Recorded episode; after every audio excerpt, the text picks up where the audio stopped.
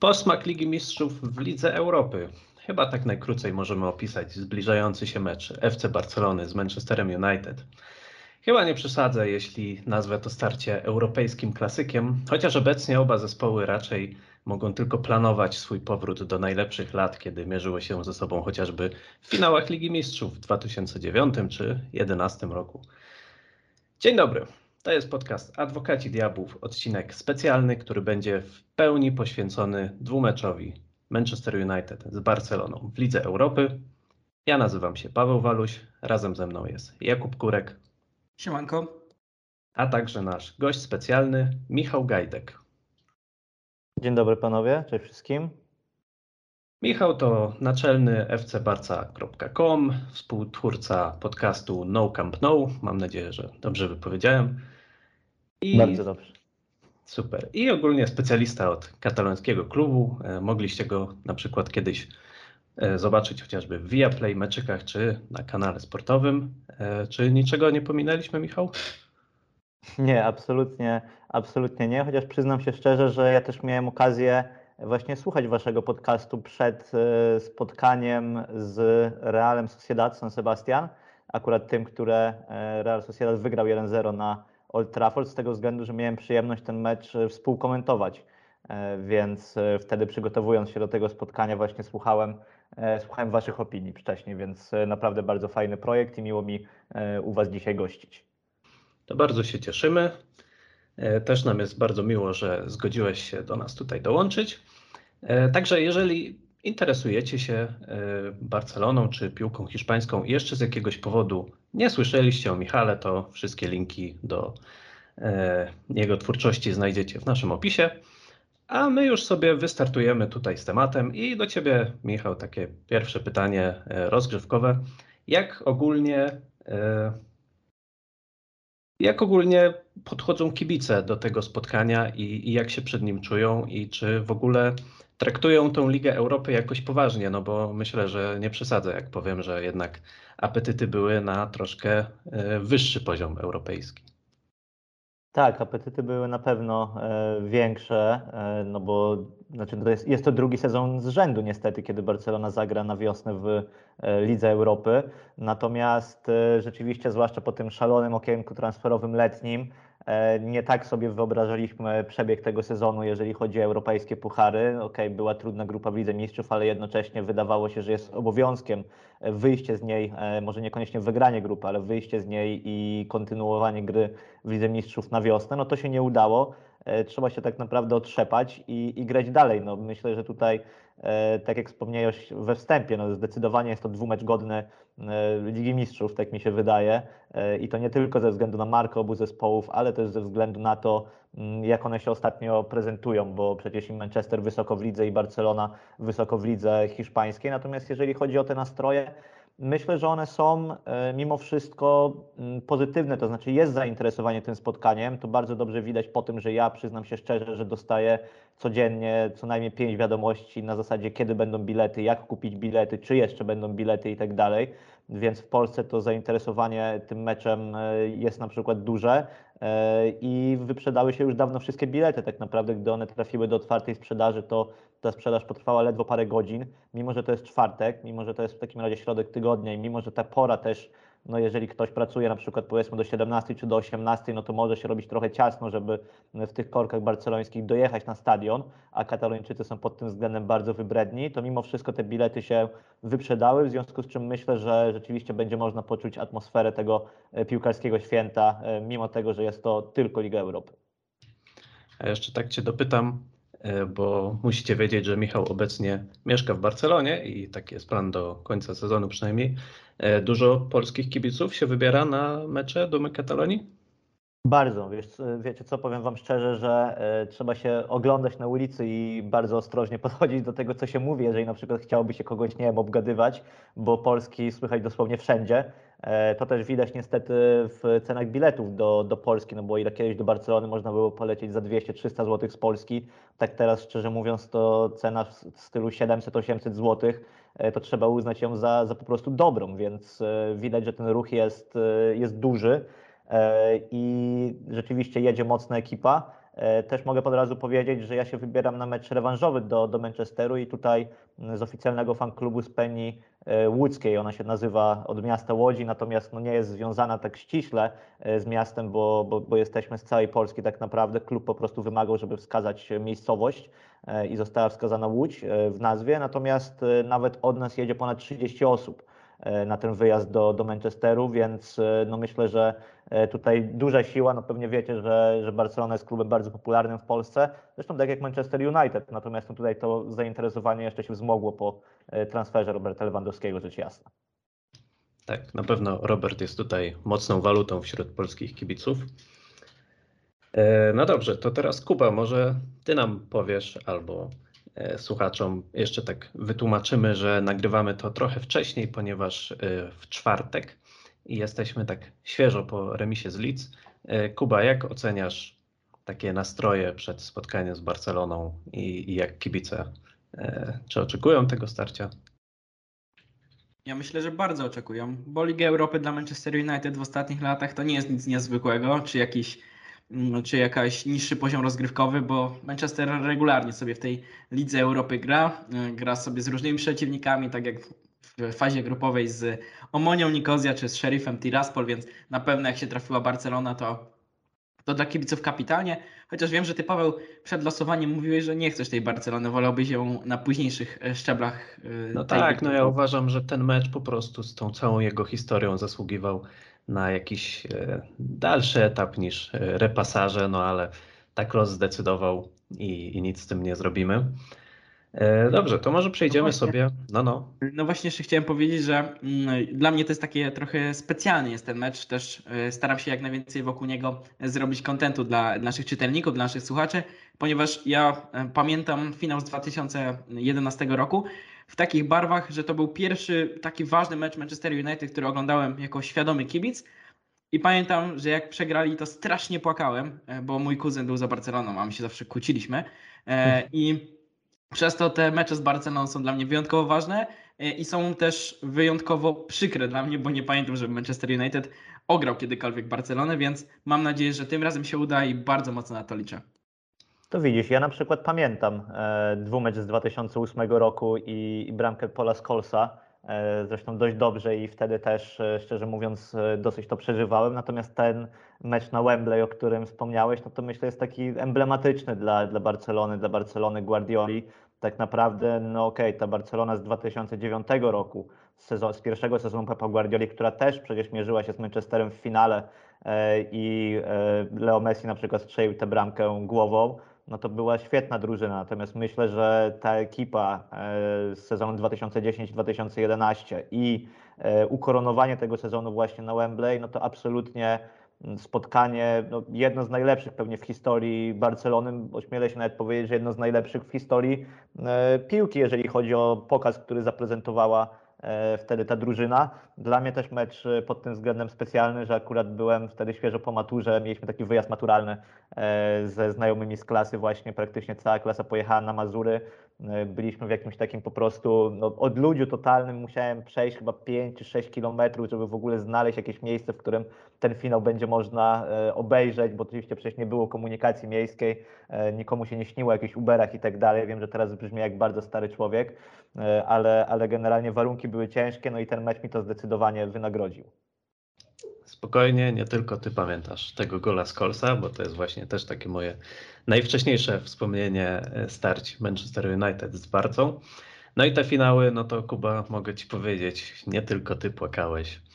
Ale Jeszcze faktycznie. chciałbym zareklamować, bo już po publikacji tego naszego podcastu na naszej stronie i zresztą na stronie fcbarca.com będzie taki tekst historyczno-diagnostyczny, jak to się stało, że przez te 12 lat, które minęły, Manchester United i Barcelona trafili z finału Ligi Mistrzów do 1-16 Ligi Europy. No właśnie, to jest ciekawe w ogóle, że oba zespoły są na takim podobnym etapie i to też jest łączące, chociaż wydaje mi się, że Barcelona jest w nim trochę e, dłużej, aczkolwiek to jest taki uśpiony gigant, który próbuje powrócić i tutaj e, właśnie te ligowe, zwłaszcza wyniki na to bardziej wskazują, bo no w Lidze Mistrzów w Barcelonie trochę nie wyszło i też taki wynik. E, my mamy tą przewagę, że do Ligi Europy zdążyliśmy się nieco przyzwyczaić już tak nie cierpimy tym, że to jest ta trochę gorsza Liga Mistrzów. Ale też pamiętam właśnie jeszcze wracając do tych finałów, że o ile w tym pierwszym w Rzymie to jeszcze tak można było odnieść wrażenie, że coś te czerwone diabły są w stanie powalczyć, to już w tym drugim to zupełnie nie było podjazdu i po prostu wtedy zatriumfowała Barcelona w pełni i w pełni pokazała ten swój ogromny potencjał. Ale wy panowie tak trochę smutno i z takimi skojarzeniami negatywnymi dla was. Ja chyba rzeczywiście jestem niestety troszkę starszy, bo z kolei pierwszy mecz świadomy, który ja oglądałem, e, znaczy świadomy, nieświadomy, no tak naprawdę pierwsze moje wspomnienia w ogóle jakiekolwiek piłkarskie, to było spotkanie Manchesteru United i to było spotkanie na Camp Nou, e, wygrany finał z Bayernem Monachium w 99, tak, bodajże roku, e, więc powinien Wam się ten stadion tak naprawdę, myślę, dobrze e, ostatecznie kojarzyć, no przecież fenomenalna historia z tą remontadą, jakby powiedzieli hiszpańscy kibice w, w tym finale Ligi Mistrzów. Ja sam się dziwię czasami, że nie zostałem kibicem Manchester United potem, bo, bo tak jak mówię, było to jedno z moich pierwszych wspomnień bardzo mi wtedy Manchester oczywiście zaimponował. No, ale to fakt, że właśnie jak tak się zastanawiałem, nawet jak, jak formułowałem to e, pytanie, to tak doszedłem do wniosku, że kurczę, ja te wspomnienia z Barceloną, no to mam raczej smutne. No, przyznaję, że e, ten 99 znam oczywiście, ale z historii sam go jakoś świadomie nie oglądałem, więc tutaj jesteś e, stażem dłuższym od nas, możesz się pochwalić. Ale przejdźmy już do teraźniejszości, tak sobie Wspominaliśmy, czy to na smutno, czy na wesoło. Dowiedzieliśmy się już, że Michał prawie został kibicem Manchester United. E, ale jak to teraz wygląda? Jakbyś mógł nam zarysować, no bo zakładam, że większość kibiców, którzy będą to słuchać, podobnie jak ja, Barcelonę ogląda na flash score. No i na flash score wygląda to imponująco, no bo chociażby w lidze, no to praktycznie same zwycięstwa. 53 e, punkty w tej chwili, taka całkiem solidna przewaga. E, no ale parę tam problemów e, się pojawiło. Też jak sobie tak mniej więcej zbierałem materiały przed tym odcinkiem, to troszkę słyszałem takiego lekkiego narzekania, że okej, okay, wyniki są, ale ta gra to taka różna i tak dalej, więc jakbyś mógł e, przedstawić taki krótki raport, jak teraz wygląda Barcelona, jak, jak się ostatnio prezentuje i czego mniej więcej powinniśmy się spodziewać w czwartkowym meczu. Jasne, ja sobie pozwolę, no tak mi się wydaje, odciąć to wszystko, co się działo przed mundialem, bo wydaje mi się, że to nie ma jakiegoś wielkiego znaczenia dla, dla aktualnej formy. Było to tak dawno temu, że ten sezon trochę został przedzielony na pół. No i po tym powrocie właśnie z mundialu Barcelona grała swój pierwszy mecz jeszcze w starym roku na Sylwestra ze Spaniolem. I to był jedyny mecz, którego Barcelona nie wygrała. To znaczy nie wygrała też jeszcze meczów pucharowych potem, ale e, no, udało jej się to zrobić e, po dogrywkach. E, natomiast ten mecz to rzeczywiście była jedyna strata punktów w, lidze. E, od tego momentu Barcelona wygrała tak naprawdę wszystko, co, co można było wygrać. Zdobyła Superpuchar Hiszpanii, e, wygrywając z Betisem w Sevilla w półfinale w karnych i później z Realem Madryt w finale. I tak naprawdę wydaje mi się, że ten mecz z Realem był trochę takim punktem zwrotnym, no bo to jednak było starcie, no po pierwsze z Realem, po drugie w finale, e, a Barcelona mm, no, nie wygrywała pucharów ostatnio niestety, do czego nie za specjalnie jesteśmy przyzwyczajeni, bo ten poprzedni puchar e, to był jeszcze maj 2000 e, czy kwiecień Spokojnie, 2020 mo można do, te można do tego przywyknąć zapewnie. no ma, staramy się właśnie nie, właśnie staramy się zdecydowanie nie i fajnie, że udało się tę przerwę, tę przerwę już zasypać, że tak powiem. Natomiast mimo tego meczu z Realem, potem był taka, była taka seria przedziwna trochę meczów, jeżeli chodzi o Barcelonę bo były trzy spotkania z rzędu, e, w których Barcelona mierzyła się kolejno z Hetafe, z Realem Sociedad e, i Gironą. To już były właśnie te mecze, gdzie ja zdążyłem się tutaj przeprowadzić i oglądać je na żywo i miałem trochę wrażenie takie, że oglądam cały czas to samo spotkanie. Bo przebieg był dokładnie taki sam, czyli Barcelona gdzieś tam próbowała rozpracować tego rywala, próbowała, potem udawało jej się w końcu strzelić bramkę, po czym się cofała i przeciwnicy atakowali, atakowali, jakimś cudem nic im nie wpadało i mecz się kończył 1 do 0, więc dosłownie naprawdę trzy takie same mecze i to pewnie był ten moment, kiedy natknąłeś się na te narzekania, bo one rzeczywiście moim zdaniem były zasadne, bo Barcelona po prostu e, ten wynik był dużo lepszy niż, niż gra i tak naprawdę można było tylko czekać, kiedy e, stanie się po prostu, kiedy, przeciwnik będzie w stanie strzelić bramkę wyrównującą, tak się, jak się to stało w tym meczu ze Spaniolem w Sylwestre, o którym wspomniałem. Natomiast już dwa ostatnie mecze E, z oboma e, drużynami z Sewilli, czyli z Betisem Sevilla i z Sevillą. E, to już były naprawdę dobre występy Barcelony. e, 2-1 z Betisem na wyjeździe, trudny teren e, i 3-0 na Camp Nou e, z Sevillą. To już był e, zdecydowanie wzrost formy. E, Natomiast nie do końca wiadomo i do tego wiem, że też będziemy jeszcze przechodzić, jak to się przełoży na mm, przyszłość, z tego względu, że w meczu e, z Gironą Barcelona straciła Usmana Dembele na parę tygodni, a z kolei w tym ostatnim spotkaniu z Sevillą Sergio Busquetsa.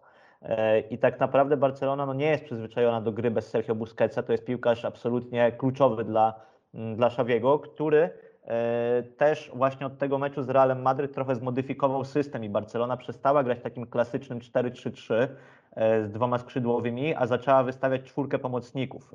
I tak naprawdę w pomocy grali właśnie jednocześnie Sergio Busquets, Frankie de Jong, no niedoszły piłkarz Manchesteru oraz barcelońska młodzież, czyli e, Gavi i Pedri i to wyglądało naprawdę świetnie. Natomiast no, z racji, że w meczu z Sevillą e, Sergio Busquets wypadł, e, no to teraz tak naprawdę nie wiadomo do końca czego się spodziewać. E, W najbliższą niedzielę Barcelona jedzie, e, jedzie do Villarrealu e, się, się zmierzyć z tamtejszą ekipą i pewnie więcej dopiero będzie można coś powiedzieć, bo na chwilę obecną ciężko, ciężko trochę o tym powiedzieć, natomiast no tak jak mówisz, e, no te wyniki rzeczywiście, jak się spojrzy na flash scora, to pewnie są absolutnie imponujące.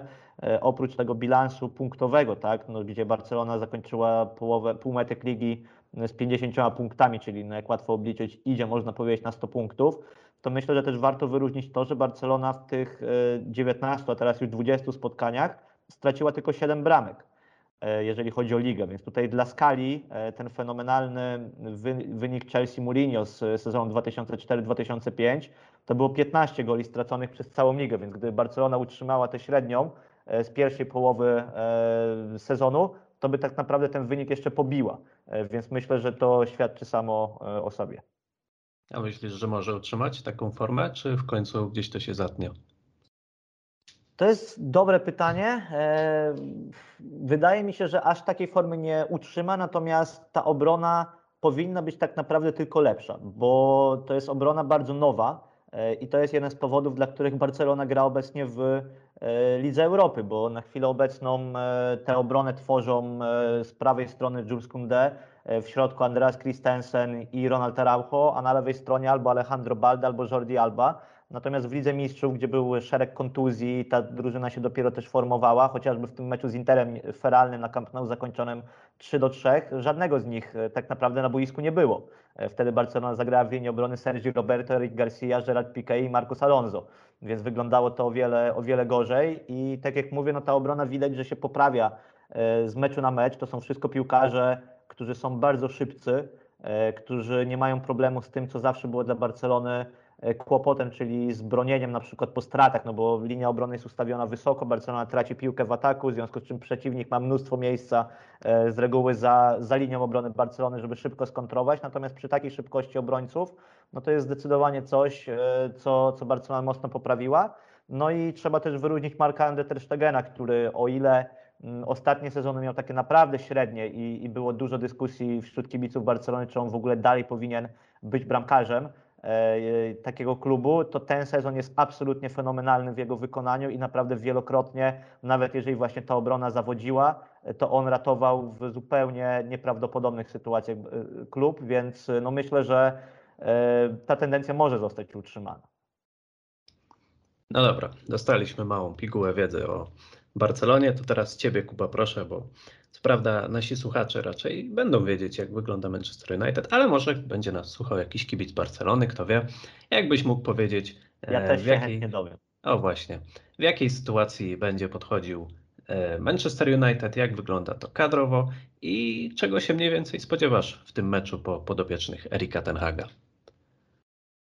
Ja przede wszystkim jestem przekonany, że Manchester United przegrałby ten dwumecz, gdyby nie miał Casemiro. Więc wielkie szczęście, że ten Casemiro zagra, bo oczywiście jest zawieszony za czerwoną kartkę, ale w meczu z Barceloną będzie mógł wystąpić.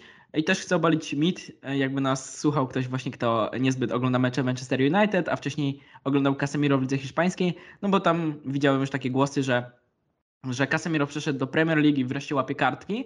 To nie do końca tak wygląda, bo Casemiro tak naprawdę tych żółtych kartek nie ma aż tak dużo. Owszem, był zawieszony na spotkanie z Arsenalem za nadmiar żółtych kartek, ale gdyby tylko wytrzymał mecz z Crystal Palace bez żółtka, e, to już by te kartki zostały, e, ten limit kartek zostałby przesunięty z 5 do 10. Więc w jego wypadku te żółte kartki nie są aż takie, taką, e, takim minusem gry Casemiro. E, Też ta czerwona kartka złapana e, w spotkaniu z mm, Crystal Palace to też taka dość w kontrowersyjnych okolicznościach. Tam nie jesteśmy pewni, czy było duszenie zastosowane. Ale E, czy możemy powiedzieć, że raczej głupia, a nie brutalna. Tak, tak, na pewno. Na pewno głupia i raczej zasłużona. Też nie ma co się kłócić. Raczej bym powiedział, że należała się ta czerwona kartka Casemiro. No a jeśli chodzi o występy Manchester United, no to ten wczorajszy, jak to nagrywamy, mecz z Leeds jest taką łyżką dziegciu beczce miodu Manchester United, bo ta gra naprawdę e, wygląda dobrze. Nawet jak Manchester United traci punkty, to gra jest na odpowiednim poziomie, nie schodzi poniżej pewnego poziomu. Trochę szkoda, że ta obrona w ostatnich meczach już nie wygląda tak dobrze, jak wyglądała zaraz po mundialu, bo też Manchester United po mundialu, po mundialu miał kapitalną serię kolejnych zwycięstw i kapitalną, kapitalną serię kolejnych czystych. To my liczyliśmy.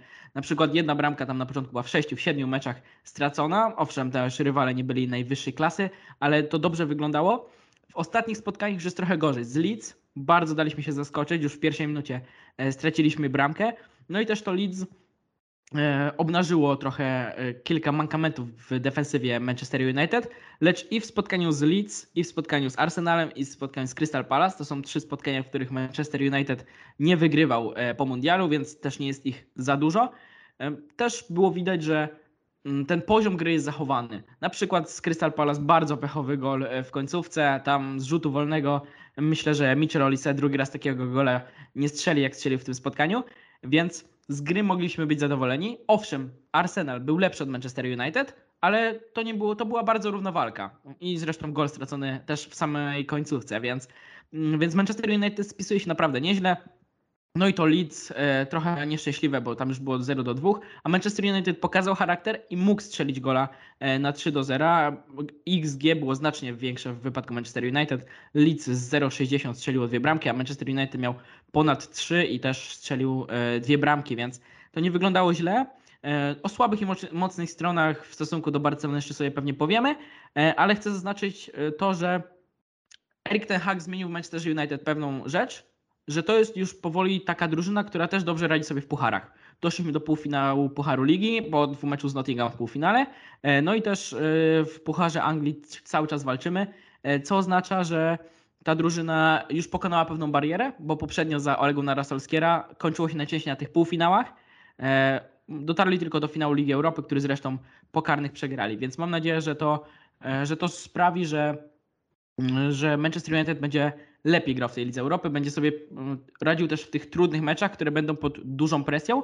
No i Ligę Europy też można świętować, zresztą Jose Mourinho powiedział, że zwycięstwo w Lidze Europy z Manchester United to chyba największe osiągnięcie w jego karierze, więc, więc też można się cieszyć Ligą Europy. To jest bardzo ciekawe e, spostrzeżenie, jeżeli chodzi o tę zmianę mentalności, bo przyznam się szczerze, że to jest coś, czego ja się najbardziej e, obawiam, jeżeli chodzi o Barcelonę e, w tym dwumeczu. To znaczy właśnie to, że Barcelona nie za specjalnie w ostatnich latach umiała te dwumecze wygrywać, e, a już na pewno nie wygrywać w przekonujący sposób, tak? No bo jeżeli chodzi o rozgrywki pucharowe, no to wiemy, dwa lata z rzędu spadek z Ligi Mistrzów do e, Ligi Europy, natomiast nawet ta Liga Europy zeszłoroczna, e, to wcale nie był spacerek dla Barcelony, tak? No bo na początku mieliśmy dwumecz z Napoli, który zakończył się remisem w pierwszym meczu i dopiero przekonującą wygraną na wyjeździe. Z Galatasaray również remis w pierwszym meczu i również zwycięstwo w rewanżu, natomiast to już było zwycięstwo wyszarpane. Natomiast z Eintrachtem, o ile dla odmiany remis w pierwszym meczu, no to już katastrofa w rewanżu na, na Camp Nou na każdym możliwym poziomie. I myślę, że też Barcelona e, w tych pucharach bardzo sobie kiepsko radzi, e, zwłaszcza na Camp Nou, bo w ostatnich sezonach, no to tak naprawdę, jak, mówimy, jak spojrzymy sobie na dwa ostatnie sezony, e, i licząc Ligę Mistrzów i Ligę Europy, to Barcelona wygrała tylko z Wiktorią Pilzno i z Dynam Kijów. E, Tak więc nie wygrała chociażby, no okej, mieliśmy Bayern Monachium czy, czy Inter Mediolan, ale Barcelona nie wygrała też z Napoli, nie wygrała z Galatasaray, nie wygrała z Eintrachtem Frankfurt, nie wygrała z Benficą, Lizbona i tak dalej. Więc to nie jest tak, że Camp Nou jest taką twierdzą nie do zdobycia, jakby się chciało. E, Natomiast y, jeżeli ja miałbym szukać tutaj optymizmu, to tak jak wspomniałem, to jest ta kwestia wygranego Superpucharu Hiszpanii z Realem, tak? bo, bo też mi się tak zawsze wydawało, w ostatnich czasach, że Barcelona być może jest w stanie powalczyć w lidze. Jest to drużyna dalej w budowie, w związku z czym na tym dłuższym dystansie, gdy ten jeden błąd nie waży aż tyle, tak jak chociażby w tym spotkaniu feralnym z Interem, gdzie Barcelona była na prowadzeniu, nagle no, po prostu koszmarny błąd Gerarda Piqué i wszystko się posypało już po prostu nie ma kiedy tego odrobić, tak? Nie będzie kolejnego meczu, żeby spróbować. E, w związku z czym w lidze, ok, masz ten dystans 38 spotkań, Barcelona wypracowała sobie tę przewagę nad Realem Madryt i ma jakiś margines błędu, natomiast niezbyt sobie radziła w tych rozgrywkach, w których ten jeden błąd może mieć naprawdę kluczowe znaczenie. E, I dopiero właśnie ten wygrany superpuchar, czyli no, nomen omen właśnie puchar, wygrany przez e, Barcelonę, grany turniej systemem pucharowym, Mam nadzieję, że tutaj będzie takim punktem zwrotnym, bo czy ten Betis pokonany w karnych, czy potem właśnie finał z Realem, czy po, później awans do półfinału Pucharu Hiszpanii po wygranej z waszymi znajomymi z San Sebastian, no to już są takie wydarzenia z ostatnich tygodni, które dają nadzieję, że coś tutaj się zmieni. Natomiast tak jak mówię, no Barcelona w tych ostatnich sezonach naprawdę sobie radziła w rozgrywkach europejskich bardzo słabo i to wcale nie najmocniejszymi przeciwnikami. Ja też, jeśli chodzi o Manchester United, to nie mam do końca próbki, bo Manchester United Erika Ten Haga należy odciąć ogromną kreską od Manchester United Ole Gunnara Solskiera, a co dopiero od Manchester United e, Ralfa Rangnika. Więc ja mogę posiłkować się tylko tym, co widziałem w krajowych pucharach i to naprawdę wyglądało nieźle. Na przykład w półfinale z Nottingham Forest e, Manchester United pewnie pierwszy mecz 3-0, drugi mecz 2-0. Tam Nottingham nie miał nic do powiedzenia, ale to jest tylko Nottingham. Ja nawet nie chciałbym się sugerować tym, że na przykład w zeszłym sezonie Manchester odpadał z Atletico, bo to był kompletnie inny Manchester United. To dzisiaj to są dwie różne drużyny. To może personalia niektóre są te same, ale jeśli chodzi o podejście mentalne, sposób gry, to już dzisiaj należy odciąć grubą kreską. To prawda, no, zwłaszcza, że Manchester United pozostaje wciąż y, jedyną angielską drużyną, która wciąż bierze udział we wszystkich pucharach i też w zasadzie jedyną rysą pozostaje to drugie miejsce w Lidze Europy i ten y, wydaje się niepotrzebny repasaż, no ale y, z drugiej strony ja dzięki temu... Tutaj tak, tak. Przepraszam, jeszcze tylko się krygować oczywiście i, i tak stawiać się w roli, że to United jest wielkim faworytem, natomiast myślę, że też, tak jak powiedziałeś teraz, odnośnie do tego, że no to jest tylko Nottingham Forest, e, Kuba. E, ja nie śledzę jakoś mocno Premier League, natomiast myślę, że trzeba brać bardzo pod uwagę to, jak tak sobie porównujemy właśnie te, te wyniki, że Barcelona jest pierwsza w lidze, a United jest powiedzmy na trzecim miejscu i tak dalej, że to są jednak dwie prędkości, jeżeli chodzi o ligę. No, bardzo mi jest to przykro mówić i przez lata naprawdę moje nastoletnie toczyłem za żarty dyskusję o to, która liga jest mocniejsza, natomiast teraz tych argumentów po prostu nie ma. Tak? No jeżeli sobie spojrzymy na kampanię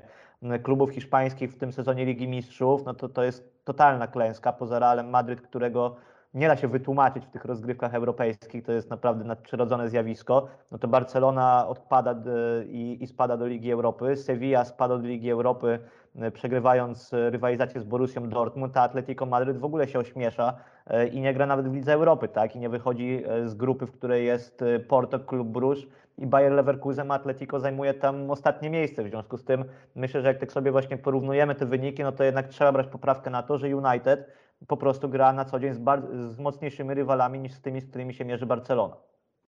No tak, jeśli chcesz się czegoś dowiedzieć o Premier League, to taka ciekawostka, że właśnie wspomniane wcześniej Nottingham Forest wykonało w tym sezonie więcej transferów niż zdobyło punktów w lidze. Tak, no ale to właśnie nawet jak się spojrzy na transfery, to już e, no nie mówmy o tej Chelsea, bo to jest absurd nawet jak na ligę angielską, ale są też takie memy, że tam jakiś średniak czy słabszy klub z Premier League e, rywalizuje finansowo o piłkarza z najlepszymi zespołami z La Liga i to nie mówię w ramach złośliwości, tylko no, takie nie, nie, są drenaż fakty. jest straszny. Drenaż jest, jest, jest straszny i tutaj nie chodzi właśnie o złośliwość czy oskarżenie się, bo jeżeli chodzi o kibiców drużyn La Liga, no to oni tak naprawdę szukają winnego właśnie nie do końca w tym, że przychodzi tutaj bogatszy e, brat powiedzmy i zabiera, tylko raczej w problemach wewnętrznych, tak? I w tym, jak ta liga jest zarządzana, ale to jest zupełnie inny, inny temat. Natomiast ten drenaż rzeczywiście się dzieje, czy to piłkarzy, czy to trenerów. No wiemy, Unai Emery ostatnio chociażby teraz się mówiło o Andoni Miraoli, no być może nie zostanie wyciągnięty do, do Lidz jednak, natomiast e, to jest widoczne i tak jak mówisz, jest to widoczne właśnie w takiej skali, że no piłkarz, który no walczyłby w Hiszpanii o grę w Lidze Mistrzów e, w klubie z top 4, jest wyciągany nie do klubu z top 4 czy top 6 Premier League, tylko idzie tam się po prostu bronić przed spadkiem, tak? I to za pieniądze, których taki klub w Hiszpanii no naprawdę długo nie zobaczy, więc myślę, że to już się, to już się wydarzyło po prostu, że mówimy o ligach zupełnie innych prędkości. Tak, no jeszcze Barcelona czy Real, no to mogą się marką obronić, prawda, i tym przyciągnąć piłkarzy, no ale te e, mniej powiedzmy znaczące kluby w Hiszpanii, no to mają prawdziwy problem. Wrócę się troszkę do tego, co powiedział Kuba, kiedy omawiał sytuację w Manchesterze, bo poruszył temat Casemiro. No, mecz z Leeds e, ewidentnie udowodnił, jak ważny jest Brazylijczyk dla środka pola Czerwonych Diabłów. I chciałbym tutaj Ciebie, Michał, podpytać, bo Ty Casemiro dobrze kojarzysz, e, znasz też na pewno Rafaela Varana. I chciałem się Ciebie podpytać, jak Ty ich pamiętasz, e, jak pamiętasz ich występy z El Clasico, jak ich w ogóle wspominasz i czy Twoim zdaniem na przykład ta ich przeszłość w Realu może stanowić jakąś różnicę w tych spotkaniach?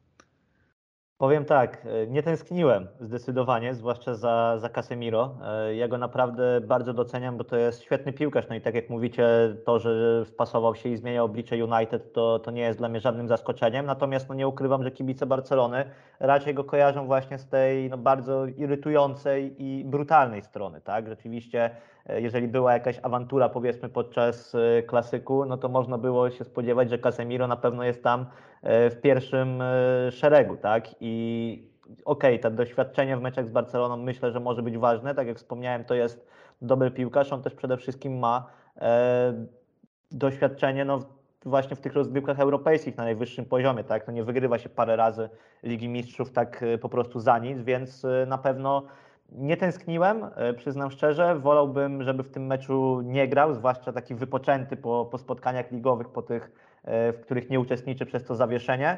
Mm, on raczej sobie radził dobrze, natomiast no też bym tego aż tak nie demonizował, bo akurat jeżeli chodzi o bezpośrednie starcia Barcelony i Realu, no to jednak mimo wszystko e, to Barcelona częściej gromiła Real Madryt i Casemiro też oglądał z boiska popisy Barcelony w stylu 4 do 0 czy 5-1 i tak dalej I, i wcale nie był przed tym w stanie drużyny ochronić. E, jeżeli chodzi o Rafaela Varana, to tutaj przyznam szczerze, że Mm, no, ten zjazd jego w, w końcówce kariery e, na Santiago Bernabeu był już naprawdę widoczny na czele z tymi występami w, w Lidze Mistrzów e, ostatnimi bodajże z Chelsea.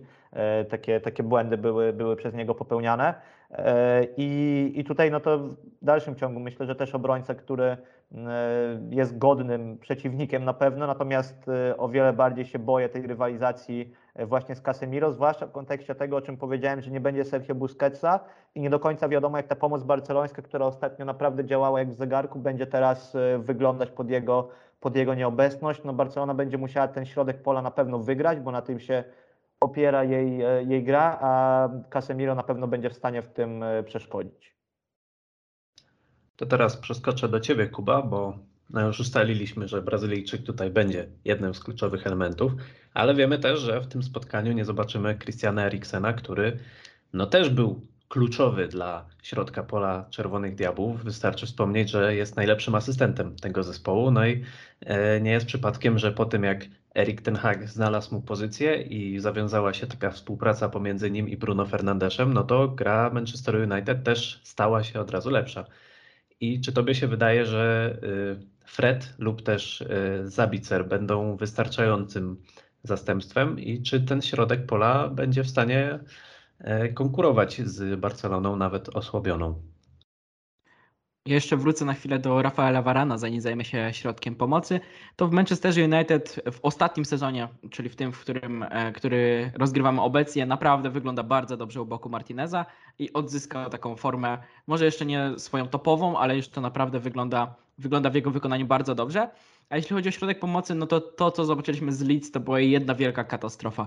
Już nie będę z Pawłem poruszał tego tematu, bo już godzinami się o to możemy kłócić, e, kto na jakiej pozycji powinien grać, ale Fred i Sabitzer razem, jako duet, totalnie nie wypalił. Zresztą Paweł w poprzednim podcaście stwierdził, że tak będzie. Ja nie wierzyłem. Ja wierzyłem, że, że damy radę pokonać tak Leeds, ale niestety nie daliśmy i to wyglądał okropnie. Szczególnie Fred, bo Sabitzer nie wyglądał źle. Według mnie Sabitzer u boku Casemiro może wyglądać naprawdę nieźle, e, bo on miał tam dwa groźne strzały, jeden z dystansu, taki zresztą bardzo dobry i Ian Melie kapitalnie się wyciągnął, żeby go obronić, więc ten Sabitzer e, myślę, że zagrał boku e, Casemiro i będzie ważną postacią w Manchester United, ale myślę, że dlatego, że nie ma Christiana Eriksena, a będzie Sabitzer, to trochę wyjmujemy mózg z Manchester United. Manchester United przede wszystkim będzie jednak bazował na tej fazie przejściowej z obrony do ataku, a nie na posiadaniu piłki. Może to nie będzie jakaś dominująca przewaga typu 70 do 30 czy 75 do 25, ale myślę, że 60 do 40 w tych okolicach e, to posiadanie piłki się rozłoży. Głównie właśnie dlatego, że Manchester United nie ma zawodnika, przez, które, przez którego przechodziły wszystkie akcje. Casemiro był takim zawodnikiem, że wszystko kręciło się wokół niego, że on był mózgiem tej drużyny i Sabicer myślę, że tego nie ma. Sabicer jest dobrym transferem, e, zastąpieniem na pewno Christiana Eriksena, ale to jest zawodnik dużo bardziej bezpośredni. E, Mniej mm, go widać na boisku, mniej rzadziej jest pod grą, rzadziej do tego nawet e, pierwszego rozegrania, czyli pobieranie piłki od środkowych obrońców czy bocznych obrońców, pokazuje się znacznie rzadziej i wychodzi mu to znacznie gorzej. A Christian Eriksen był taką postacią, do której zawsze można było zagrać piłkę w każdym momencie, bo w każdym momencie praktycznie był wolny i pokazywał się do gry. Dlatego wydaje mi się, że Manchester United w tym spotkaniu z Barceloną przez taki układ tego środka pomocy będzie się skupiał przede wszystkim na tej fazie przejściowej, bo zarówno Bruno czy Sabitzer potrafią zagrać świetne e, podania prostopadłe. To teraz Ciebie, Michał, spytam, bo o Busquecie już powiedziałeś, ale też będzie inna nieobecność, czyli Osman Dembele, który chyba odżył pod e, wodzą Szawiego, tak przynajmniej e, takie dochodziły do mnie sygnały. I no wiemy, że on nie zagra, najprawdopodobniej zastąpi go Rafinha, jeśli moja wiedza na temat składu Barcelony jest e, odpowiednia. I czy wydaje Ci się, że ta strata może tutaj jakoś e, zmniejszyć szanse Dumy Katalonii? Wiesz co, e, dobre Cię słuchy doszły na pewno. E, Tutaj Usman Dembele to jest takie prawdziwe redemption story, można powiedzieć, e, w przypadku Barcelony, no bo rok temu Barcelona grała z Napoli w tym pierwszym meczu Ligi Europy e, i Usman Dembele, ja miałem okazję na tym meczu być i Usman Dembele został tak wygwizdany przez kibiców na Camp Nou, że takich gwizdów to ja naprawdę nie wiem, czy Cristiano Ronaldo kiedyś takie gwizdy dostawał, a nawet jeśli, no to, to było gdzieś to no, rywalizacja mocna o pierwsze miejsce, tak, bo e, naprawdę niemiłosiernie został wygwizdany ze względu na to, że e, tam nie chciał przedłużyć kontraktu, który wygasał w zeszłym roku. Na początku właśnie Mateo Alemani, czyli dyrektor e, sportowy wraz z Jeanem Laportą, e, chcieli go tak trochę do tego no, przymusić, że tak powiem, czy raczej powiedzieć, no że okej, nie chcesz przedłużyć kontraktu, no to my nie będziemy na ciebie stawiać, w związku z czym już nie będziesz grać, no bo wolimy inwestować w piłkarzy, którzy wiążą z Barceloną przyszłość, tak? Natomiast Xavi wymusił trochę to i postawił na swoim, żeby Usman Dembele grał. E, No i gra, po prostu można powiedzieć, i gra, gra coraz lepiej, tak? To jest piłkarz bardzo chimeryczny i, i nieregularny, natomiast te ostatnie tygodnie miał naprawdę bardzo dobre i, i dlatego szkoda, że, że wypadł, bo to jest na pewno piłkarz, którego Barcelona mm, nie może zastąpić tak jeden do jednego. Nie ma takiego drugiego piłkarza, który e, posiada taki dribbling jeden na jeden, e, który potrafi właśnie wejść szybko, złamać linię obrony przeciwnika i tak dalej. Rafinha w ostatnich spotkaniach, mimo że ogólnie jest oceniany bardzo różnie przez kibiców Barcelony, ja akurat jestem e, w gronie, można powiedzieć, zwolenników e, talentu Brazylijczyka, e, to w ostatnich spotkaniach myślę, że wszyscy się zgodzą, że grał dobrze, natomiast to nie jest ten sam typ zawodnika, tak? To jest zawodnik, który zdecydowanie będzie częściej ścinał do środka, który być może da więcej w takim spokojniejszym rozgrywaniu piłki, natomiast niekoniecznie jest w stanie wejść w ten pojedynek, zrobić przewagę jeden na jeden, e, a takiego innego zawodnika Barcelona po prostu, e, mówiąc wprost, nie ma, więc myślę, że to jest zdecydowanie mm, osłabienie.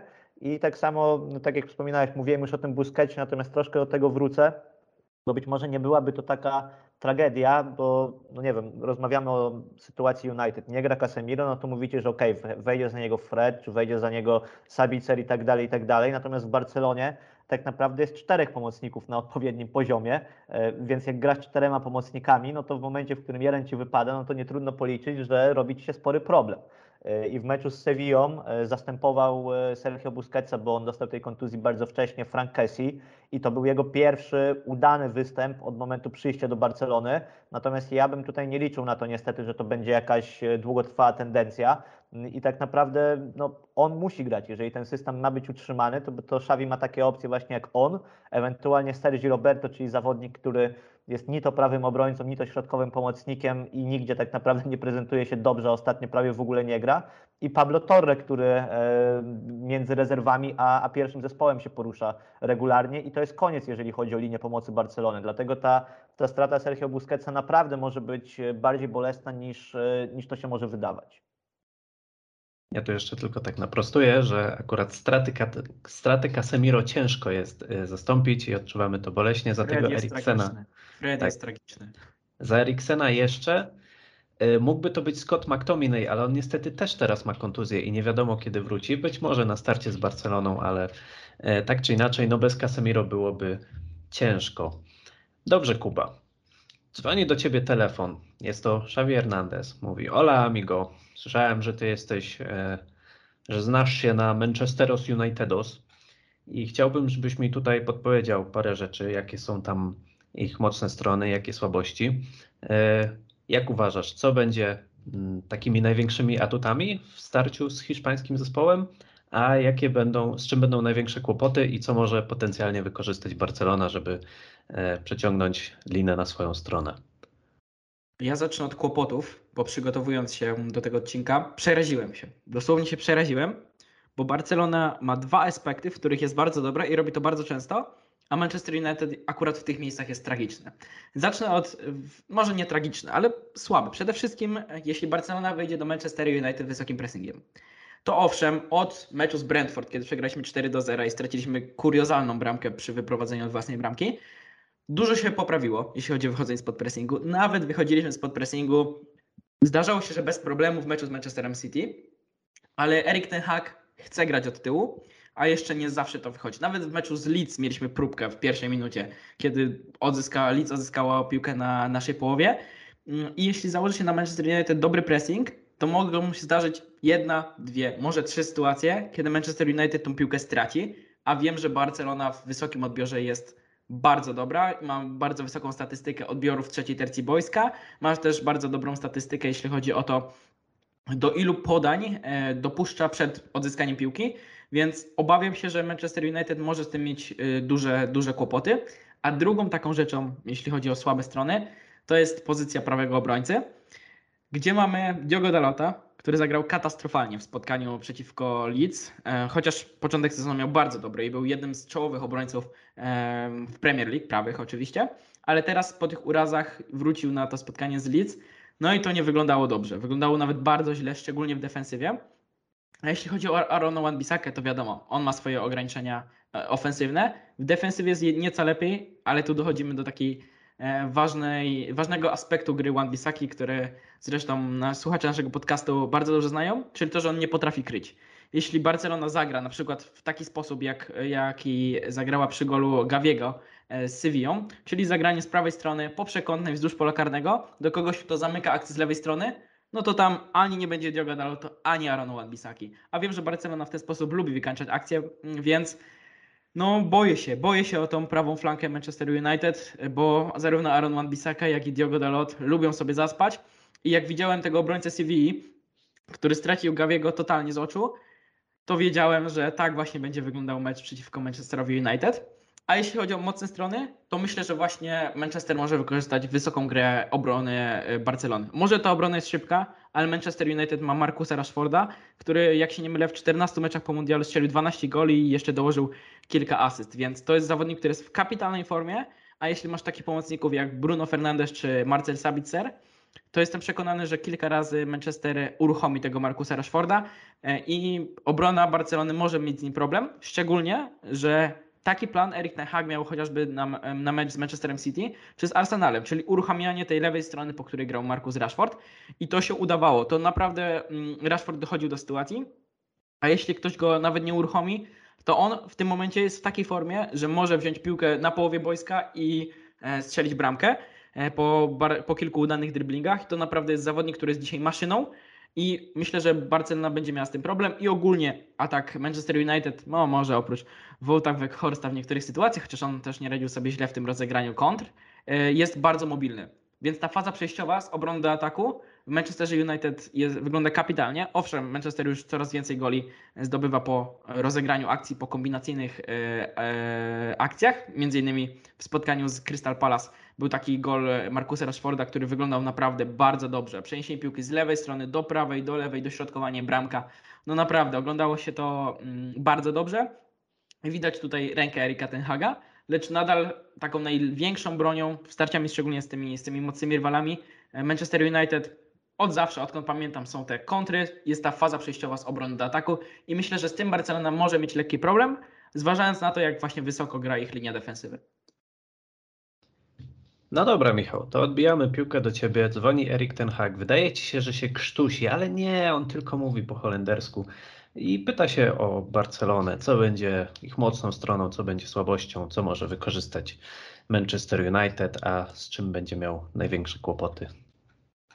E, ja się zgodzę z Kubą rzeczywiście, jeżeli chodzi o kwestię tych przejść e, z obrony do ataku, no bo tak jak e, wspomniałem, no Barcelona rzeczywiście w tym aspekcie się ostatnio bardzo poprawiła. Gdybyśmy rozmawiali jeszcze, nie wiem, miesiąc temu, to bym na, pewno powiedział, że to jest zdecydowanie największy problem Barcelony. Teraz ten problem trochę zniknął, ale tak jak wspomniałem, on zniknął na tle rywalów z, Hiszpa z Hiszpanii. Więc no Premier League, gdzie jednak gra się szybciej niekiedy, może tutaj e, zrobić różnicę, tak? I, I rzeczywiście z napastnikiem w takiej formie jak Marcus Rashford niekoniecznie Barcelona się ostatnio e, mierzyła. Ta linia obrony na pewno będzie ustawiona wysoko. Na pewno Barcelona będzie chciała prowadzić grę, a czasami się zdarzają w dalszym ciągu indywidualne błędy przy właśnie konstruowaniu ataku, przy wyprowadzaniu piłki i to może być brzemienne w skutkach. Jeżeli chodzi o inne aspekty, to takim tradycyjnym, e, taką tradycyjną piętą achillesową Barcelony były zawsze stałe fragmenty gry, jeżeli chodzi o ich obronę. To ostatnio jakoś e, zanikło, to znaczy ja szczerze mówiąc nie pamiętam, e, kiedy ostatnio Barcelona straciła bramkę po rzucie rożnym. Natomiast no, tradycyjnie są to, są to rzeczy, na które trzeba uważać i, i które rywale mogą zdecydowanie wykorzystywać, więc, więc to są pewnie takie kwestie. E, myślę, że też e, jednak brak doświadczenia w tych rozgrywkach europejskich, no to takie trochę bardziej ogólne, że tak powiem, nie wiem jak, jak do tego trochę podejść. Natomiast myślę, że e, gdyby Manchester United zdecydował się zaskoczyć Barcelonę i spróbować podejść na przykład w pierwszych minutach meczu wysokim pressingiem, no to mogłoby to przynieść efekty, bo Barcelona też do takiego grania nie jest przyzwyczajona. Barcelona jest przyzwyczajona właśnie do tego, że przeciwnik stanie na własnej połowie, będzie trzymał gardę pięści twarde, i, i po prostu się schowa i będzie czekał na, na kontry. Tak? I w momencie, w którym Barcelona jest e, zaskoczona e, skutecznym pressingiem ze strony rywala, no to może się naprawdę pogubić. Natomiast jeżeli chodzi o mocne strony, to powiem szczerze, że ucieszyliście mnie tą informacją o tej prawej stronie w obronie w Manchesterze United gdyż e, Barcelona, tak jak mówię, no ciężko mi teraz przewidzieć wobec tego jej kontuzji Sergio Busquetsa, czy to w ogóle będzie system z czterema obrońcami, z czterema pomocnikami, czy jednak będzie powrót do tradycyjnych skrzydłowych. Ja jednak spodziewam się czterech pomocników, w związku z czym Barcelona trochę wówczas e, rezygnuje z posiadania lewoskrzydłowego, ale to po, po, powoduje to, że e, wówczas bardzo wysoko gra lewy obrońca Barcelony, który staje się tak naprawdę takim wahadłowym, czy nawet bardziej skrzydłowym. E, I jest to albo Alejandro Balde, albo Jordi Alba. I zwłaszcza w przypadku Alejandro Balde, to jest piłkarz, który jest absolutnym odkryciem sezonu w Barcelonie w tym sezonie. E, I e, chłopak jest naprawdę fenomenalny, ma niesamowity gaz. Jeżeli na przykład ktoś oglądał spotkanie właśnie z Realem Madryt w finale Superpucharu Hiszpanii, no to pewnie widział, co tam zrobił Balde z Daniem Carvajalem, gdzie po prostu miał 5 metrów straty do, do niego, jeżeli chodzi o dojście do piłki, wyszedł z tego z 5-metrową przewagą. E, I to jest też zawodnik, który potrafi właśnie e, tę piłkę holować, zejść do środka e, i, i naprawdę zrobić sporo, e, sporo zamieszania, więc to jest na pewno silna strona Barcelony. E, W ostatnich tygodniach tą silną stroną nie jest Robert Lewandowski, jeżeli chodzi o formę strzelecką, e, bo rzeczywiście tutaj widać, że mm, ona troszkę zanikła. Ok, ważne bramki z Realem czy w lidze z Betisem, natomiast mimo wszystko to nie jest ten kosmiczny poziom z pierwszej części sezonu, ale też jednocześnie powoduje tą mniejszą taką lewy dependencję, tak? to uzależnienie od Roberta Lewandowskiego, jeżeli chodzi o strzelane przez Barcelonę bramki. I, I tak jak wspomniałeś, Kuba, że widziałeś tę bramkę Gawiego w meczu z Sevillą, to rzeczywiście był powtarzający się motyw w ostatnich kolejkach, e, że szła piłka, no akurat w meczu z Sevillą z prawej strony, ale z reguły szła piłka właśnie z lewej strony, albo od Jordiego Alby, albo od Alejandro Balde, wbijana w pole bramkowe i ktoś tę akcję wykańczał z najbliższej e, odległości, tylko nigdy to nie był Robert Lewandowski praktycznie.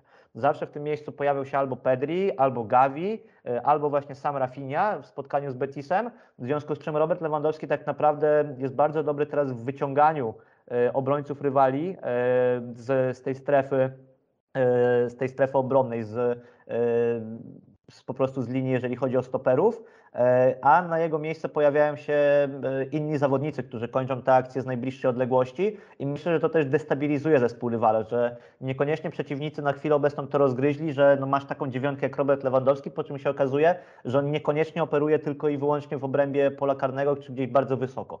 E, Więc e, no, jestem pewny, że Erik ten Hag, e, którego ja swoją drogą jestem wielkim fanem i w momencie, w którym był zwalniany e, Ronald Koeman i mówiło się o kolejnym trenerze, to ja bardzo liczyłem, że Barcelonie się uda pozyskać w ogóle Erika ten Haga e, przed tym, gdy pojawiła się informacja o, o Szawim. No tak się nie stało. Natomiast e, no, jestem pewny, że on te rzeczy zauważył, ale e, to jest atut na chwilę obecną Barcelony. To jest stosunkowo jednak nowinka i nie ma zbyt dużo materiału, żeby się na kimś wzorować, bo po prostu jeszcze na chwilę obecną nikt sobie z tym nie poradzi. No dobra, Kuba, powiedziałeś, że Marcus Rashford y, będzie zagrożeniem ze strony Manchester United, ale to jest pójście na łatwiznę. To myślę, że nawet Michał mógłby mi powiedzieć, że Marcus Rashford będzie zagrożeniem. E, Poproszę Cię o konkretne nazwiska poza Anglikiem. Kto będzie tutaj decydował o grze Manchester United e, i na kogo najbardziej powinni uważać piłkarze i też kibice e, Dumy Katalonii? Na kogo najbardziej powinni uważać, to od razu takie, taka inklinacja do tego, żebym powiedział o kimś ofensywnym. A w, tak w rzeczywistości w ofensywie Manchester United, oprócz Marcusa Rashforda, możemy wymienić Bruno Fernandesza, który rzeczywiście w tym roku jest e, w bardzo dobrej formie, ale zarówno to prawe skrzydło, kto na nim nie zagra, nie wiadomo czy Anton się wykoruje, czy może już Jadon Sancho, który zanoczy, zaliczył kapitalne wejście po, po tych swoich problemach psychicznych i fizycznych również. Nie wiadomo, ale to nie jest taka mocna strona Manchester United. Wout Weghorst, napastnik, no w porównaniu do Roberta Lewandowskiego będzie bardzo ciężko. Myślę, że bardzo dużym atutem Manchester United na dzisiaj jest para środkowych obrońców i Luke Shaw. Luke Shaw, który też prezentuje się w tym sezonie coraz lepiej z każdym spotkaniem i naprawdę w, nawet w defensywie e, jest w stanie grać bardzo dobrze. Grał zresztą w tym sezonie na środku obrony, gdzie też sobie radził kapitalnie. No i para środkowych obrońców, czyli Lisandro Martinez, e, Rafael Varan. Mam nadzieję, że Martinez już nie będzie grał tak ryzykownie jak w meczu z Leeds, bo tam kilka razy mogło się to skończyć tragicznie dla Manchester United, jeśli chodzi o te jego interwencje e, z pogranicza faulu. I to jest taka dwójka środkowych obrońców, którzy pasują do siebie idealnie. Mieliśmy przed sezonem duże wątpliwości co do tego, czy, czy Martinez w ogóle sobie poradzi w Premier League, bo on nie jest ani za szybki, ani za wysoki. No ale ten człowiek nadrabia walecznością, nadrabia swoim timingiem. E, Zobaczymy, jak pi- spisze się w tych pojedynkach powietrznych z Robertem Lewandowskim, no ale w tym sezonie, szczerze mówiąc, nikt go jeszcze tak nie pamiętam mm, w tej drugiej połowie sezonu przynajmniej, bo na początku się zdarzało, żeby ktoś go przeskoczył i, i strzelił bramkę głową. E, Więc to wygląda coraz lepiej. No i w tej parze z Rafaelem Varanem naprawdę uzupełniają się bardzo dobrze. E, I po latach spędzonych z Maguirem i Lindelofem na środku obrony, gdzie Maguire był no, za słaby na Manchester United, a Lindelof jest po prostu dobrym zmiennikiem, to Martinez i Varane to są naprawdę tacy zawodnicy, którzy, którzy kapitalnie spisują się w, w Premier League, no i też w tych pucharach. Jeśli chodzi o kwestię bramkarzy, no tutaj też widzę lekką, lekką przewagę FC Barcelony, bo Mark Andre Ter Stegen jest w kapitalnej formie w tym sezonie, z tego co wiem. No a Dawid De Gea, owszem, na linii jest absolutnie top of the top, jeden z najlepszych bramkarzy w Europie, jak nie najlepszy. To jest zawodnik, który naprawdę uratował Manchesterowi United wiele punktów w tym sezonie, w poprzednich sezonach. no to już jest według mnie legenda Manchester United, tylko że nadal on ma problem z grą nogami. E, No, my tak naprawdę w każdym spotkaniu widzimy jakieś jego zagrania w out, jakąś panikę w jego oczach. E, Często to wygląda tak, że on sobie po prostu nie radzi w tej grze nogami. Między innymi dlatego nie jest powoływany do tej kadry Luisa Enrique. Lecz wydaje mi się, że jeśli Barcelona będzie prowadzić grę, no to to może wyglądać dobrze, bo, bo ten DHA naprawdę w tych interwencjach na linii e, spisuje się e, kapitalnie. Jestem też ciekawy, jak wypadnie właśnie ten środek pomocy.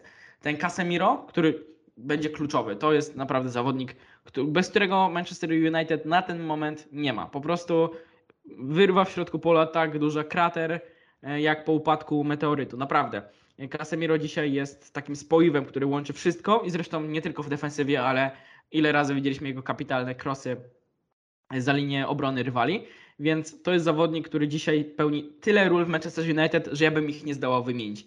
Więc myślę, że jeśli chodzi o mocy strony Manchester United, takie punkty, które mogą decydować, to przede wszystkim Marcus Rashford, o, o którym miałem już nie mówić, Casemiro i dwójka, środkowych, i, i dwójka środkowych obrońców. Ciekawe, że nie wspomniałeś Bruno Fernandesza. Takie jednak No, nieoczy, na nieoczywiste pominięcie, ale dobra, dobra. Już ja to zapamiętam, będę ci to wypominał teraz. E, Michał, a jak z Barceloną, bo już powiedziałeś i o Balde, i o Lewandowskim, e, też zarysowałeś mniej więcej sytuację, czy w obronie, czy w pomocy, ale jakbyś mógł tak zarysować, kto będzie e, takim najlepszym punktem, kto będzie najmocniejszy, a kto może cieniować, mówiąc kolokwialnie. Wiesz co, wiem, że to brzmi oklepanie, natomiast siłą Barcelony jest, jest e, cała drużyna tak naprawdę, jest kolektyw. E, I myślę, że to jest właśnie fajne, że mm, naprawdę drużyna jest w wysokiej formie i tutaj tak naprawdę każdy e, no jest w swoim najlepszym momencie w tym sezonie, w chwili obecnej, tak? Więc mm, ostatnie spotkania, na przykład Frankie de Jong, który też był bardzo kwestionowany przez kibiców Barcelony, gra świetnie.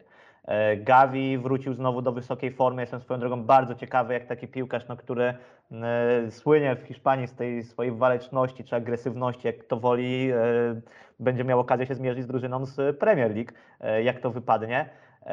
I można by było tak wymieniać i wymieniać, natomiast ja bym chciał chyba, mm, tak jak Kuba powiedział, trochę to pytanie gdzieś inklinuje to, że żebyśmy się skupili na, na zawodnikach z przodu, którzy mogą zrobić e, problem e, przeciwnikowi. Natomiast ja myślę, że takim zawodnikiem, który chyba zrobi największe wrażenie, jakbym miał typować na, na kibicach Manchesteru, jeżeli ktoś na przykład w ogóle nie ogląda Barcelony i nie wie, co się tam dzieje i teraz sobie włączy mecz Manchesteru z, z Barceloną dopiero, to będzie Ronald Araujo. E, Bo to jest zawodnik, który jest absolutnie niesamowitym stoperem. E, To jest piłkarz, który no przede wszystkim no jest fizyczną bestią i to jest coś, na co ja liczę właśnie, jeżeli chodzi o możliwość zatrzymania Markusa Rashforda, bo Ronald Araujo z jednej strony ma świetne warunki fizyczne e, pod względem no, wzrostu, pod względem siły. E, Było takie zdjęcie z El Clasico towarzyskiego rozgrywanego w lato, gdzie doszło tam do jakiegoś spięcia z Antonio Rydigerem i tam po prostu Araujo, który napiął mięsień, to wyglądało no, naprawdę niesamowicie wręcz i, i przepchnął zresztą e, Niemca bez, bez większego problemu, co, co też myślę o czymś świadczy. A oprócz tego jest też e, nieziemsko szybki. No, tak jak powiedziałem, ta, ta obrona Barcelony w ogóle jest bardzo, bardzo szybka, natomiast Araujo e, jest, e, jest fenomenalny pod tym względem motorycznym. Myślę, że na pewno e, będzie przypominał, e, jeżeli ktoś, tak jak mówię, nie widział nigdy Ronalda Araujo, no to tego Virgila van Dijk'a i to jest takiego mocnego prime'u. Myślę, że jakby Ronald Araujo grał w Premier League, to już by była fama, że jest to absolutnie najlepszy stoper na świecie, bo, bo w ostatnich tygodniach rzeczywiście e, zdecydowanie tak wygląda, e, gdy tylko jest zdrowy, bo jego problemem jest to niestety, że, że stosunkowo często odpukać łapie, łapie kontuzję, e, ale gdy jest zdrowy, no to gra praktycznie bez zarzutu, więc myślę, że, że Ronald Araujo, a jeżeli chodzi o, o to, kto może zrobić Manchesterowi krzywdę, może nie bezpośrednio, może bezpośrednio, ale mózgiem zespołu jest e, zdecydowanie Pedri. I to też jest zawodnik, który no jest po prostu mm, niesamowity. E, piłkarz taki, który jest reinkarnacją Andresa Iniesty, można, można powiedzieć pod względem z tyłu, czyli piłkarz, który być może nie daje dużo liczb jak się spojrzy w jego statystyki, no to wręcz można się uśmiechnąć, że kibice Barcelony tak go gloryfikują, a tu się okazuje, że on ani nie strzela bramek, ani nawet nie zalicza asyst. E, Natomiast no, każda akcja praktycznie zespołu przechodzi przez niego, ma niesamowity spokój. E, Nawet gdy jest atakowany i to doskonale widać na przykład z trybun. Ostatnio właśnie e, tak oglądałem sobie go specjalnie przez parę minut i była taka akcja, w której zawodnik Sewilli gdzieś tam podbiegał do niego z tyłu, tak zbliżał się takim straszliwym tempem. Ja byłem pewny, że go Pedri tam no, po prostu go nie widzi, no bo nie ma oczu z tyłu głowy, e, aż się chciało krzyknąć, żeby uważał, natomiast on tak spokojnie jednym ruchem po prostu ciała przestąpił z nogi na nogę, e, tak flegmatycznie to wyglądało, a zawodnik Sewilli poleciał sobie dalej po prostu, tak kompletnie zgubiony tym balansem ciała. Więc myślę, że to jest absolutnie coś, e, na co warto, warto zwrócić uwagę, bo to jest takie, no chciałem powiedzieć, że najlepsze to szkółka Barcelony ma do zaoferowania i to jest właśnie niesamowite, że ten chłopak został znaleziony na Wyspach Kanaryjskich przez Barcelonę w Las Palmas w wieku 18 lat. On nie jest wychowankiem Barcelony, e, ale jest dosłownie tak, jakby nim był i to z, tej, z tego pierwszego szeregu. No, nie będę też mówił o oczywistości, czyli, czyli właśnie Robert Lewandowski, tak jak wspomniałem wcześniej, natomiast e, Barcelona ma bardzo mocne te, te kolumny właśnie idąc przez środek, czyli począwszy od e, Ma- Marc-André też w bramce, Ronald Araujo, lider defensywy, e, w środku właśnie Pedri, z przodu Robert Lewandowski, no to to świadczy po prostu o tym, że w każdej e, formacji Barcelona ma takiego piłkarza, który jest w naprawdę wysokiej dyspozycji i nie powinien mieć kompleksów wobec nikogo na świecie. A jak już Cię tutaj mamy, to podpytam Cię o innego wonderkida z Barcelony, który trochę zaginął, a dużo się o nim mówi ostatnio w kontekście Manchester United. Y, Pewnie się domyślasz, że chodzi o Ansu Fatiego, ponieważ też jak słuchałem na przykład podcastu Barcelony, to tam padło takie stwierdzenie, że gdyby Manchester United wyłożył 70 milionów, to Barcelona powinna go sprzedać. E, On ostatnio raczej nie gra, a ja pamiętam, jak on tam się pojawiał i był po prostu wielki zachwyt i mówiło się, że to jest kolejny Messi. Więc co się z nim stało i czy ty też byś go sprzedał do Manchester United? Co, no, to co się stało, to niestety jest bardzo, bardzo proste i bardzo smutne, mianowicie stały się kontuzje. No, Ansu Fati dostał takiej kontuzji ciężkiej w e, październiku bodajże 2000, mm, 2020, czy w listopadzie 2020 roku w meczu z Betisem i tak naprawdę e, nie było go prawie że rok. Ja już się pogubiłem, przyznam się szczerze, bo tam było tak, że on był operowany, później ta operacja nie wyszła, więc miał kolejną, potem chyba jeszcze kolejną, ja już nawet nie wiem, czy tych operacji były dwie, trzy czy cztery, e, po, po czym wrócił, no i nagle się okazało, że cały ten poprzedni sezon on tak właśnie się odbudowywał na zasadzie pograł kilka meczów, wchodził z drzwiami e, naprawdę do składu, bo zawsze strzelał bramkę, no miał jakieś zatrważające wręcz statystyki, co ile minut zdobywa, zdobywa bramkę, po czym znowu wypadał, znowu wracał, grał świetnie, znowu wypadał i tak w kółko. Ten sezon tak naprawdę jest wolny od kontuzji, on ma przepracowany okres przygotowawczy prawie że w pełni, natomiast wygląda po tym szeregu kontuzji, gdzie, gdzie stracił bardzo dużo, naprawdę, naprawdę słabo, tak? No, stracił tę dynamikę. To był zawsze taki zawodnik, który właśnie przypominał e, Leo Messiego pod tym względem, że jemu wszystko przychodziło bardzo łatwo. To znaczy, to był piłkarz, który samym balansem ciała, samą swoją dynamiką potrafił zwieść obrońców. No, najmłodszy strzelec Barcelony w historii europejskich pucharów, najmłodszy strzelec w historii reprezentacji Hiszpanii. Naprawdę te statystyki jego były fenomenalne i ta gra przede wszystkim była fenomenalna i myślę, że to absolutnie nie były przesadzone komplementy dla niego. Natomiast nie, nie wiem, ile zostało z tego Ansu Fatiego, który, który był przed kontuzją. Na chwilę obecną nie zostało dużo i nie wiem, czy można go jeszcze odzyskać. No to jest pytanie, które pewnie, na które pewnie nikt nie jest w stanie odpowiedzieć. No to w dalszym ciągu jest chłopak, który ma 20 lat skończone na koniec ostatniego października, więc mówimy o zawodniku, który ma przed sobą teoretycznie całą swoją karierę, e, ale nie wiem, czy to będzie kariera na takim poziomie, na jaki się, na jaki się zapowiadała i czy akurat Manchester United to też by było dobre miejsce dla niego do takiej, do takiej odbudowy. Czy ja bym go sprzedał? No przyznam się absolutnie szczerze, że no, sytuacja finansowa, znaczy ja go bardzo lubię, naprawdę i, i zawsze byłem fanem tego zawodnika i bardzo bym go chętnie w Barcelonie dalej oglądał, natomiast sytuacja finansowa Barcelony jest jaka jest i nie do, niekoniecznie Barcelonę jest stać na to, żeby czekać, czy rzeczywiście z niego coś jeszcze, mówiąc kolokwialnie i brzydko, będzie, czy, czy, to, czy to jednak już jest no, nie ten poziom po prostu. Więc jeżeli mówimy o takich, e, o takich kwotach, które wiem, że w Premier League nie robią wrażenia, natomiast w przypadku Barcelony, przypadku transferów wychodzących, zwłaszcza z Barcelony, robią gigantyczne wrażenie, bo Barcelona nigdy nie sprzedała zawodnika za, za kwotę taką, jaką mówisz, o jakiej mówisz 70 milionów, to znaczy, no okej, okay, oddała Neymara za 222 miliony, natomiast wbrew, wbrew swojej woli to był jednostkowy przypadek. Piłkarze Barcelony z reguły są wyceniani dużo taniej, Barcelona sprzedaje tanio piłkarzy, więc jeżeli mówimy o takiej kwocie, no to byłby to spory zastrzyk gotówki, no ale na chwilę obecną on jest tak naprawdę kolejnym, kolejnym skrzydłowym do grania, gdzieś tam zamyka tę listę za Usmanem Dembele, za e, Rafinią, nawet za Ferranem Torresem, więc e, w obecnej formie nie byłaby to duża strata, natomiast no myślę, że no kibicowałbym mu po tym odejściu, miałbym nadzieję, żebyśmy sobie potem wszyscy pluli w brody i oglądalibyśmy karierę takiego, takiego piłkarza, na jakiego się zapowiadał, bo to był, e, był świetny talent. A Frankiego de Jonga nie chciała Barcelona sprzedać za 80 milionów i bardzo był Chciała. smutny. To Chciała. Franki nie chciał się, to No w Franki sumie- nie chciał A no odchodzić. tak, racja, racja. Przecież to on kochał tą Barcelonę. Jo- Dobra. Joan Laporta by go odwiózł na lotnisko, jakby tylko, jakby tylko mógł, tak mi się wydaje, i sam go jeszcze spakował. Kupił mu A kwiaty na jego pod- narzeczona e, na swoim Instagramie po zapytaniu, kiedy trafi do Manchesteru, odpisała, że na mecz rewanżowy przyjedzie. Tak, 23 No lutego, dokładnie. Kuba, to co? Kupujemy Fatiego? Nie, mi się wydaje, że to już nie są czasy, kiedy Manchester United bierze takich piłkarzy. Nie no, chodź, ja dam 35, ty dasz 35 i jakoś będzie. Nie w tych spodniach akurat zostawiłem e, tą gotówkę, ale wydaje mi się, że w tych czasach Manchester United, w tych czasach, w czasach Erika Ten Haga, bo to jest bardzo ważne, żeby to, to zaznaczyć, nie będzie sprowadzał piłkarzy, którzy na przykład w Barcelonie się nie sprawdzają, czy, czy tak jak e, Fati, który ma kontuzję, bo Manchester United dzisiaj wyciąga piłkarzy nieoczywistych, tak jak Marcel Sabitzer czy Wout Weghorst e, i wyciąga piłkarzy, którzy stricte pasują do filozofii Erika Ten Haga. To widać.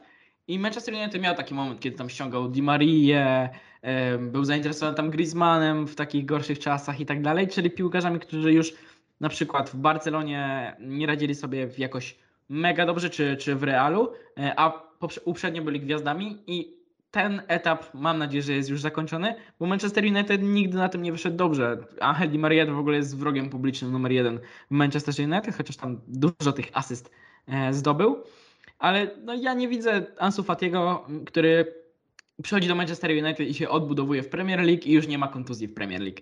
Ciężko, ciężko sobie to wyobrazić. Na pewno taki scenariusz jest realny, ale chyba nie chciałbym Manchester United. I też często mi się wydaje, że te plotki, na przykład, że Manchester United interesuje się Ansu to są już takie plotki, że Manchester United jest idealnym klubem, do którego można przyczepić łatkę, że się kimś interesuje. Ja mam wrażenie, że już wokół każdej gwiazdy, która tam ma zamiar zmienić klub, jest wpisany Manchester United.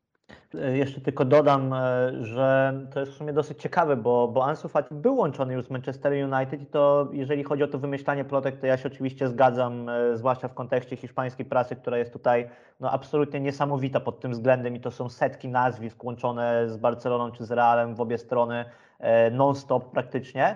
Natomiast tutaj jest to całkiem dobre źródło, bo jeden z członków zarządu Barcelony wręcz potwierdził to, że mm, Ansu Fati tak naprawdę, tak jak mówię, on dostał tej kontuzji w listopadzie 2020 roku. No, chwilę wcześniej był blamasz e, w Lizbonie, e, słynny mecz e, z Bayernem, którego wolałem sobie nie przypominać, no ale już to, już to zrobiłem niestety. I Barcelona już tak naprawdę, no wtedy wiadomo, była pandemia i wtedy już były te początki, że rzeczywiście ta sytuacja finansowa jest bardzo trudna. E, No bo w odróżnieniu od klubów na przykład w Premier League, no Barcelona nie ma bogatego właściciela, e, który może przyjść ewentualnie dziurę zasypać i tak dalej. Jedyną opcją są te słynne dźwignie finansowe, z których się wszyscy śmiali. Natomiast no Barcelona nie ma takiej jednej gigantycznej dźwigni finansowej jak, jak właściciel klubu po prostu, tak? Więc, e, więc tak to troszkę wygląda. No i do czego zmierzam? Zmierzam do tego, że jeden z członków zarządu poprzedniego zarządu Barcelony, czyli jeden z przybocznych Giuseppe Marii Bartomeu, właśnie przyznawał wprost, że mieli ofertę z Anglii, e, co zostało, nie wiem czy zostało wprost powiedziane, że to był Manchester United, bo już nie pamiętam, e, i odrzucili tę ofertę, która opiewała na 150 milionów wówczas za Ansu Fatiego. E, I myślę, że te pieniądze wtedy, szczerze mówiąc, e, wcale się nie dziwiłem, że, te, że ta oferta została odrzucona, bo się wydawało, że to jest piłkarz, który po prostu jest tyle warty.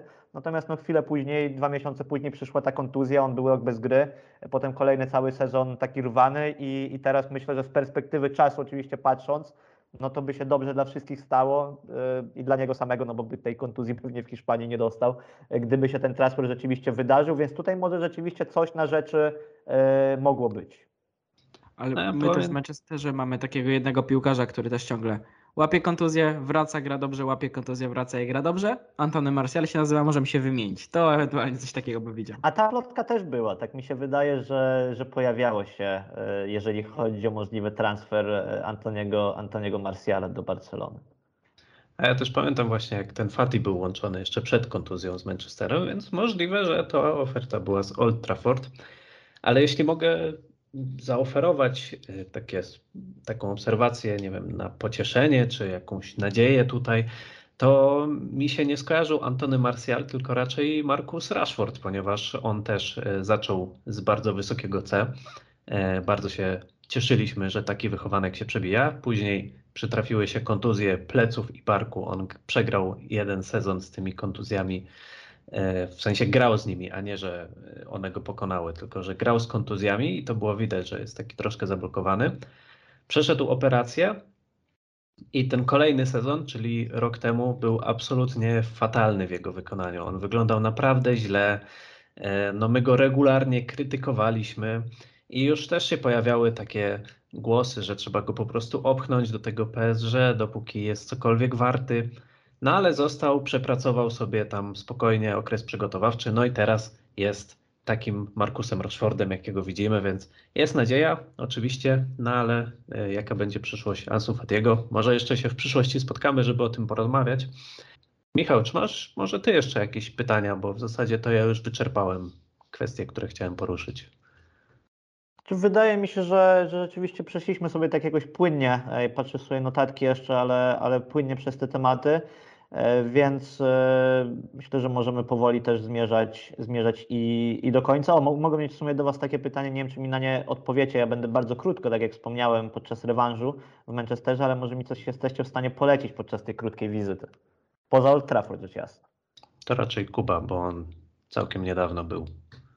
Kurczę, ja powiem szczerze, że bardzo bym chciał polecić. Na pewno e, muzeum jest warte zobaczenia. Byłem. Sklep jest imponujący, bo ten sklep ma miliard kas i naprawdę jest nim wszystko. Nawet golarki są w sklepie Manchester United, ale samego Manchesteru. Nie kupiłeś mi kolarki?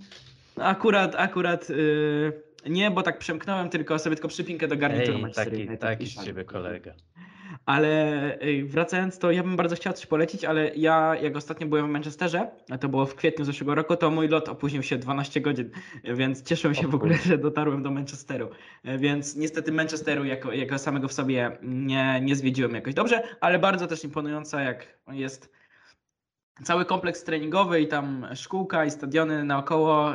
y, Stadion Manchester City, to warto zobaczyć, chociaż nie powinienem chyba tego teraz tutaj mówić.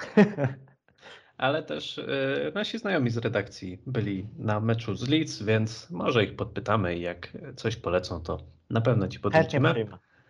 Dobrze, dryfujemy do brzegu i na koniec poprosiłbym Was o wytypowanie wyniku. Może najpierw tego pierwszego meczu, a potem ogólnie.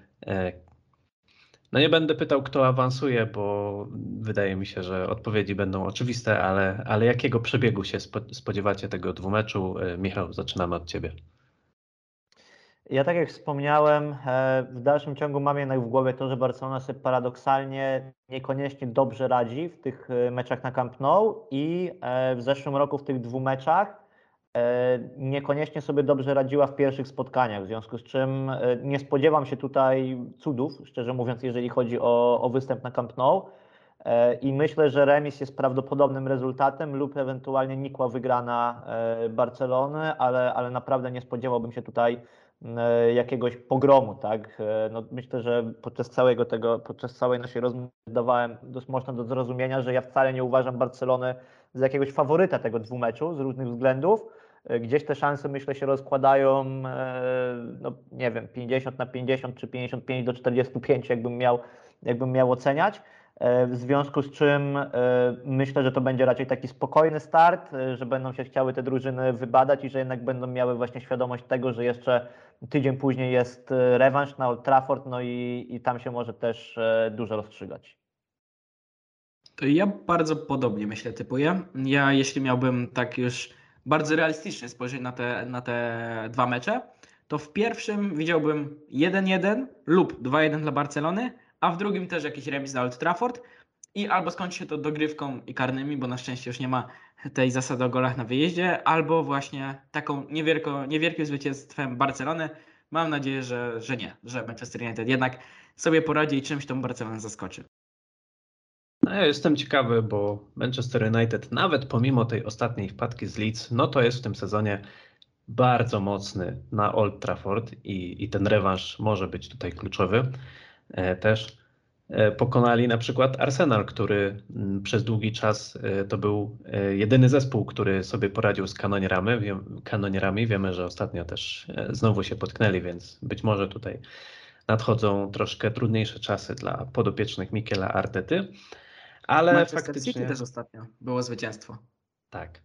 E, Ale faktycznie, no wydaje się, że te zespoły e, prezentują taki podobny e, poziom, albo przynajmniej podobne elementy można u nich zaobserwować. Może są trochę silniejsze w jednym elemencie, a słabsze w innym, ale tak mi się wydaje, że mniej więcej są na podobnym etapie swojego rozwoju i dlatego też wydaje mi się, że ta e, rywalizacja będzie z tego powodu ciekawa do obserwowania. I też mi się wydaje, że będzie to wyrównany dwumecz. Kto tam przejdzie, to zadecydują detale, jak to najczęściej bywa w takich spotkaniach na takim poziomie. No i słuchajcie, to jest koniec naszego specjalnego odcinka Adwokatów Diabłów, który miał być dla Was pigułką wiedzy na temat e, Manchesteru i Barcelony. Mamy nadzieję, że to się udało osiągnąć. Nam się na pewno bardzo przyjemnie tutaj rozmawiało, a przynajmniej e, mi. E, Był z nami Michał Gajdek z FC Barca.com, który podzielił się swoją wiedzą o drużynie z Hiszpanii, także dziękujemy Ci bardzo. Dziękuję bardzo. I też Jakub Kurek, czyli tutaj stały członek naszej ekipy, który teraz służył jako ekspert od e, Manchester United. Dzięki Kuba. Myślę, że dałem radę jako ekspert od Manchester United. Dzięki. Dałeś radę, nie mówiłeś, że Fred ma grać na szóstce, więc jest w porządeczku. E, Cieszymy się, jeżeli wytrzymaliście z nami do tego momentu i e, dajcie znać, czy Wam się podobają takie formaty, bo to jest pierwszy raz, chociaż kiedyś jeszcze przygotowywaliśmy się do finału Ligi Europy, ale to było takie specjalne wydarzenie, ale możecie dać znać, czy, czy podoba Wam się taki format i czy chcielibyście na przykład częściej słyszeć jakichś gości z kibicujących innym klubom, to będziemy się próbowali coś takiego, e, będziemy próbowali coś takiego zorganizować. No jeżeli Wam się podobało, no to wiecie co macie zrobić. Dawajcie łapę w górę, dawajcie suba, bo będziemy teraz rozkręcać nowe rzeczy. Także jeśli chcecie być na bieżąco, no to to jest e, droga, żeby za nami nadążać. A w komentarzu po prostu napiszcie, czego się spodziewacie po meczu z Barceloną i kto wygra, dlaczego będzie to Manchester United. E, Dziękujemy Wam bardzo i co? Słyszymy się w czwartek.